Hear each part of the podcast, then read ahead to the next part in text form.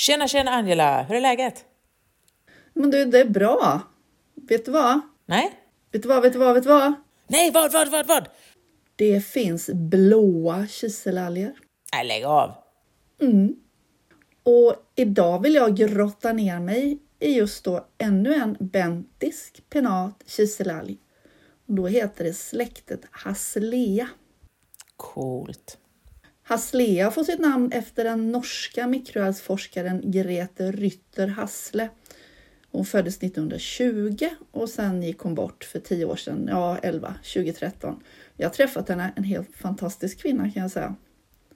Hon jobbade med eh, ett annat släkte som heter Pseudonychia som är intressant och flera arter kan producera ett nervgift. Ja, de har vi pratat om tidigare här då och då. Just precis. Det här är ett nervgift som heter på svenska domorinsyra. Domoic acid på engelska.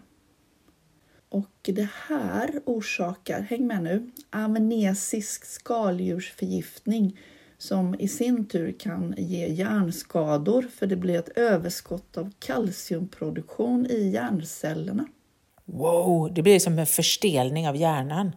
Ja, just det. Det tänkte jag faktiskt inte på. Det har du rätt i. Korallskalle. Nu fick genast amnesisk skaldjursförgiftning en, en helt annan innebörd för mig. Men det har vi redan glömt bort. Ja, ja, men eh, du sa ju det. Jag tror det var under säsong ett vi berörde det här. Ja, jag har för mig att vi har pratat om olika skaldjursförgiftningar generellt.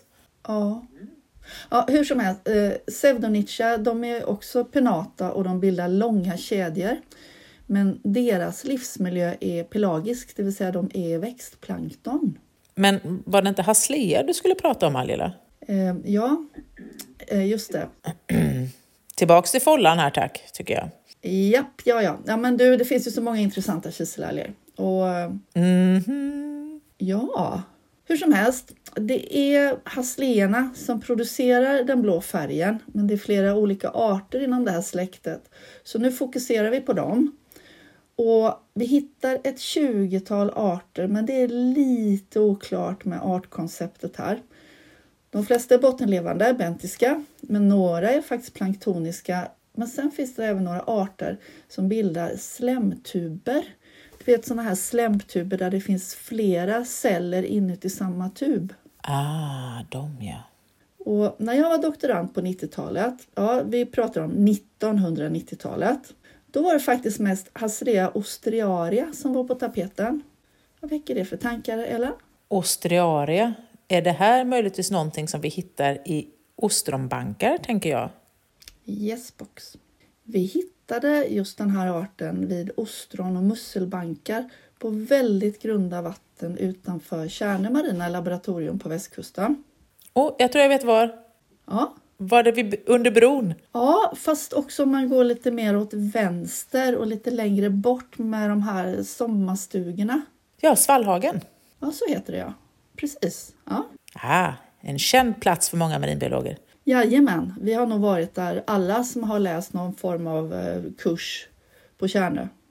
Det tror jag. Men eh, den här verkade då trivas utmärkt på näringsrika bottnar. Och jag blev faktiskt lika glad varje gång jag såg den i mikroskopet för det är en otroligt vacker blå färg. Just den här Haslea ostriaria, det är också ett eh, tykoplankton. Det är, det är ett nytt begrepp nu.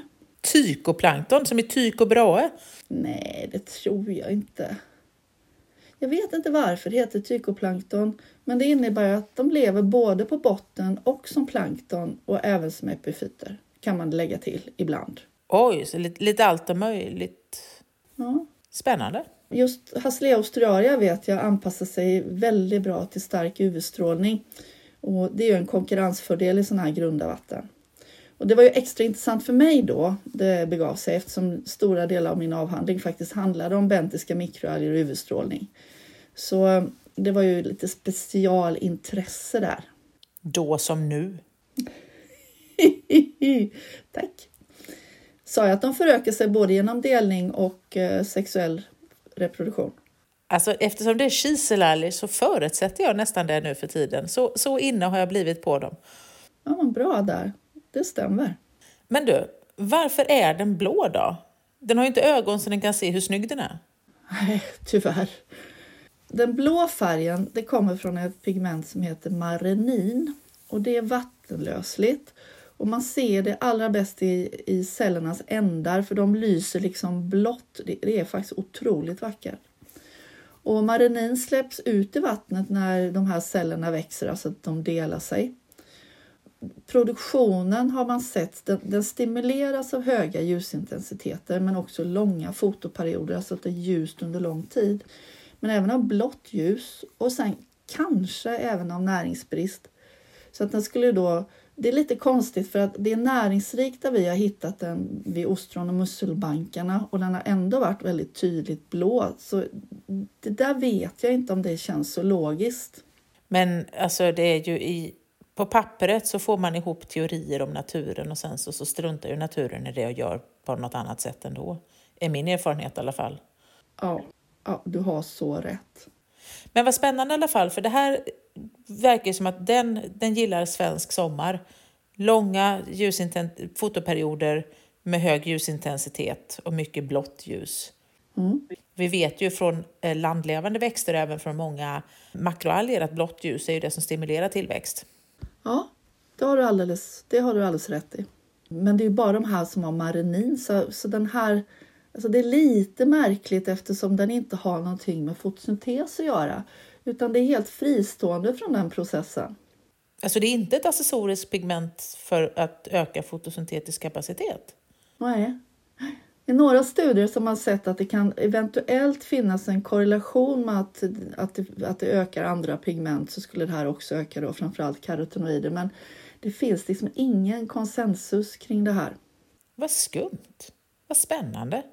Ja, det är spännande. Det finns mycket att kika på här och intressant nog så ändras färgen med pH. Så om det är surt, alltså pH under 7, då är det blåviolett färg och eh, är det över 7, alltså att det är basiskt, då är det grön färg. Okej, okay, och det slår vid 7 precis som eh, är det brom till målblått som man har som indikator för 7? Ja, så är det va. Fast det, ja. det, det, är inte så att man kan säga att det är exakt där utan man säger sura förhållanden så det är möjligt att det är bra under sju. Okay. Jag vågar inte svara på det för att det är ju även så att eh, havsvatten har ju ett pH som är runt 8,1 normalt. Nu för tiden i alla fall. Vi får väl se. Sant, sant. Men vad spännande. Men du, i litteraturen så nämns de här gröna ostronen eh, av Thomas Spratt 1667. Och då skrev han, nu blir det svengelska igen. Oysters from the Tollsbury ponds could present a green color during summer, a phenomenon he suspected resulted from the actions of the sun and the earth. Ja, det var ett brett sätt att säga att det var någonting som hade med sol och... Ja, mm. ja exakt. Och Earth med stort E. Vet du. Så solen och planeten gjorde att det blev ja, grönt. Okej. Okay. okay. 1667 var biologin kanske inte den precisa vetskap det är idag. Men okej, okay, mm, bra. Han var ändå på rätt spår. Och nu är ju vi lite historienördar så att vi fortsätter på den linjen och då var det 1820 först som man kopplade ihop det med en mikroskopisk organism. Och det stod Benjamin Guéant för och han kallade dem Vibrio ostriarius. Och det var en sån här kul kille igen, du vet. Han var tulltjänsteman till yrket men en sann naturalist som på sin fritid specialiserade sig på de gröna ostronen. Men vibro, så han trodde de var bakterier alltså? Nej, det var det han inte gjorde vet du, utan han trodde det var väldigt små djur. Fast numera, som du säger, står ju släktet Vibrio för en grupp bakterier, alltså gramnegativa bakterier. Ja, så Vibrio innan var någonting annat och sen så har man bara, okej, okay, då är jag med. Ja, och det blir lite förvirrande tycker jag. Men sen har de även passerat namnet Navicula ostriaria genom sin form, då, för den är ju naviculoid som vi säger med den här celltypen. Och då, kära lyssnare, så ska ni försöka säga naviculoid fem gånger. och det kommer in på vågrätt fem. Vi får göra det där krysset någon gång. Algkrysset. Yes. Men du, det var Jean-Baptiste Bourri de Saint-Vincent åh vilken vacker franska, som namngav dem. Honom har vi pratat om innan ju. Vi känner ju igen honom. Ja, det gör vi. Har jag sagt det namnet förr alltså? Jag tror vi har pratat om honom i ett tidigare avsnitt. Om jag känner igen det så måste du ha pratat om det. Men Borg, definitivt. Jag var bara rädd för om jag hade uttalat hela namnet en gång tidigare. Ja, ja. Men du, det var en klassisk fight mellan eh, Borg och eh, Gaillon. För Gaillon hävdade att det var djur, men Borg ville att de skulle klassificeras med andra diatomerer, alltså kiselalger, inom hans grupp. Jag vågar inte ens uttala det här namnet. Jag, först läste jag psykodiarré och så tänkte jag nu har du stavat konstigt. Psyko... Diar... diar. Men om du, om du ska säga det på engelska, vad ska du säga då? Det skulle jag inte. För då blir det psychodiarrhea. Psychodiär på franska tror jag de menar. Ja, men eh, okej. Okay. Vi, vi skriver det här i, i ingressen så kan man eh, uttala det som man vill. Hur som helst, den här gruppen innehöll alla organismer som var vare sig djur eller växt, så rätt han hade. Ja. Nu för tiden kallar vi dem protister. Minsann. Men Borg var botaniker och upptäcktsresande och kavalleriofficer under Napoleonkrigen. Det är du.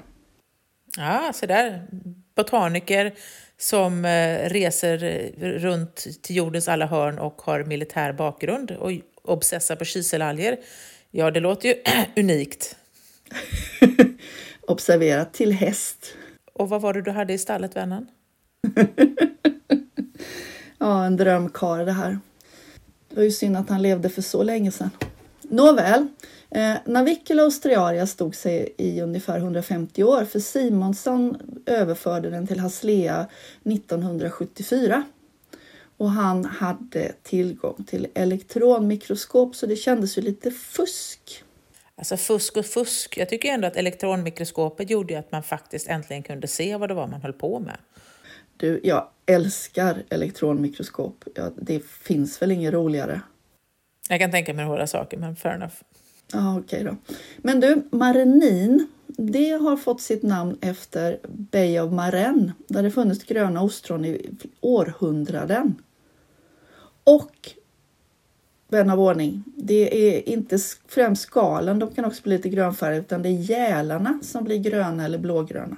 Det här är väldigt roligt för jag höll ett föredrag om ostron och just den här typen av ostron. Och det här är en speciell klassning. Så det här har jag stött på, fast från ostroningången och inte algingången. Kul! Men gud vad kul! Ja, så de har en speciell sån här, det heter någonting på franska, rouge, någonting, en sån här livsmedelsgrej som betyder att det är ett eh, lokalproducerat speciellt skyddat livsmedel och de här just gröna ostronen. Ja, det var faktiskt, det visste inte jag var kul. Om vi går tillbaka till marinin, vad det har för funktion, så vet man faktiskt inte det till 100 procent. För det är sannolikt väldigt kostsamt för cellen att producera det, så man tänker sig att någon fördel borde det nog ha. Det finns spekulationer och undersökningar som pekar i olika riktningar att eh, det ändrar ljusets spektrum när fotonerna då passerar genom den här blåa färgen på sin väg mot eh, kloroplasterna. Det där är ju det svåra, det här om, man, om ljuset är en partikel eller en våglängd. Men vi lämnar den diskussionen. Det blir alltid förvirrande. Men det kan vara så att det har allelopatisk effekt för det har, kunnat, eh, det har visat sig påverka andra kiselalger, till exempel Skeletonema costatum, ett par Chetocerus-arter och några till då, på labb. Men du, vadå allelopatisk? Ja, ah, okej, okay, att eh, det utsö de utsöndrar ämnet, det här är då marinin, eh, och det har en eh, påverkan på andra kiselalgsarter så att den här haslean får en konkurrensfördel. Så man kanske exempelvis trycker ner någon som kunde ha konkurrerat annars? Helt riktigt. Då förstår vi. Mm.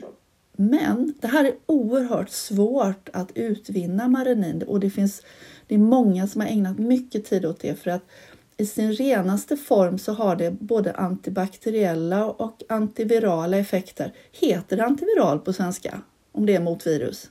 Ja, det tror jag väl. Vad skulle ja, det låter som det har någonting med internet att göra. Men jo, antiviral. Ja, på engelska heter det det. Motvis. Jag tror vi har tagit det rakt av. Bra. Men Eh, den blåa färgen väcker ju alltså stort intresse för att blå är ju en, en sällsynt färg i naturen. Så man, och man tänker sig faktiskt att använda den i akvakulturer för, både för att den har den här antibakteriella och då antivirus eller antivirala effekten men också antifungi, alltså mot svamp. Det där skulle vara fantastiskt om man kan odla kiselalger så att du naturligt får, får ett skydd så, så att du har, får friskare djur i vattenbruksodling. Det är ju underbart för att då inte behöva använda antibiotika och annat tråk. Du kan väl ha dem med dina sjögurkor kanske? Det kan jag absolut. Du, vi kan göra någonting här. Japp, nu fick vi tankar. Men sen nämns det en potentiell användning för att färga livsmedel. Det är, det är lite tjafs kring det då, men även i hudvårdsprodukter och men faktiskt inte som solskyddsfaktor eftersom den är vattenlöslig och sen har studier visat att det var inte så himla bra. Nej, och sen så kanske man inte vill gå runt och vara blå. Jag säger ingenting mot The Blue Man Group, men, men någonstans där så tänker jag på den här i Willy Wonka. Violet Beauregard som blir alldeles blå. Men vad då ögonskugga? 80-talet var ett undantagstillstånd som vi hoppas aldrig återkommer. Den är även en antioxidant. Ja, det brukar ju vara poppis inom hälsokostindustrin. Japp, men alltså det funkar även bra som konserveringsmedel. Hur som helst, det är väldigt dyrt att framställa det. Och än så, än så länge så får marenin då i sin naturliga form från de här kiselalgerna duga till att grönfärga ostron. Och vi, du var inne på det, men av någon anledning så finner man det väldigt önskvärt i Frankrike. Ja, jag tror det har att göra med, det kan vara en smakfördel, men också att det då kanske just att det kommer från en viss ort.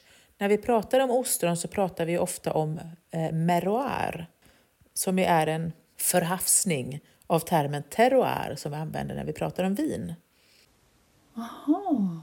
Ja, och då kan du ha att, att, att om du har ja, som Grebbestads ostron exempelvis som är, har fått en sån här märkning nu för de smakar så gott. För att just i vattnet där de odlas under deras förutsättningar så får de en viss smak. Medan ostron från en annan plats smakar annorlunda. Som biolog så vet man att det också kan ha med genetisk variant och sånt där att göra. Men just ostron som ju då kanske har väldigt stor genetisk spridning i med larver och sånt. Då är det ändå platsen som har en viss ger en viss smak till organismen och då kallar vi det för meroir när det är i havet, från mer, hav. Ja, och det, det funkar ju på märenin också. Precis. Och jag menar, det är väl också käckt att du får den, den här, som du säger, färgen är vacker och trevlig, så att varför inte? Så länge den inte ger det här eh, några skador som pseudonychia gör. Så. Precis. Och det kan ju vara en sån sak om den här då har antibakteriella och antiviruseffekter så kanske det gör ett friskare, gladare ostron. Men du, jag tycker att vi, vi stoppar där med det. Friska och glada ostron som växer tillsammans med det fantastiska kiselargssläktet Haslea som producerar marenin. Den blå färgen. Du, då säger jag bara tack och förlåt då. Så hörs vi igen om ett par veckor. Tjing tjing! Hej då!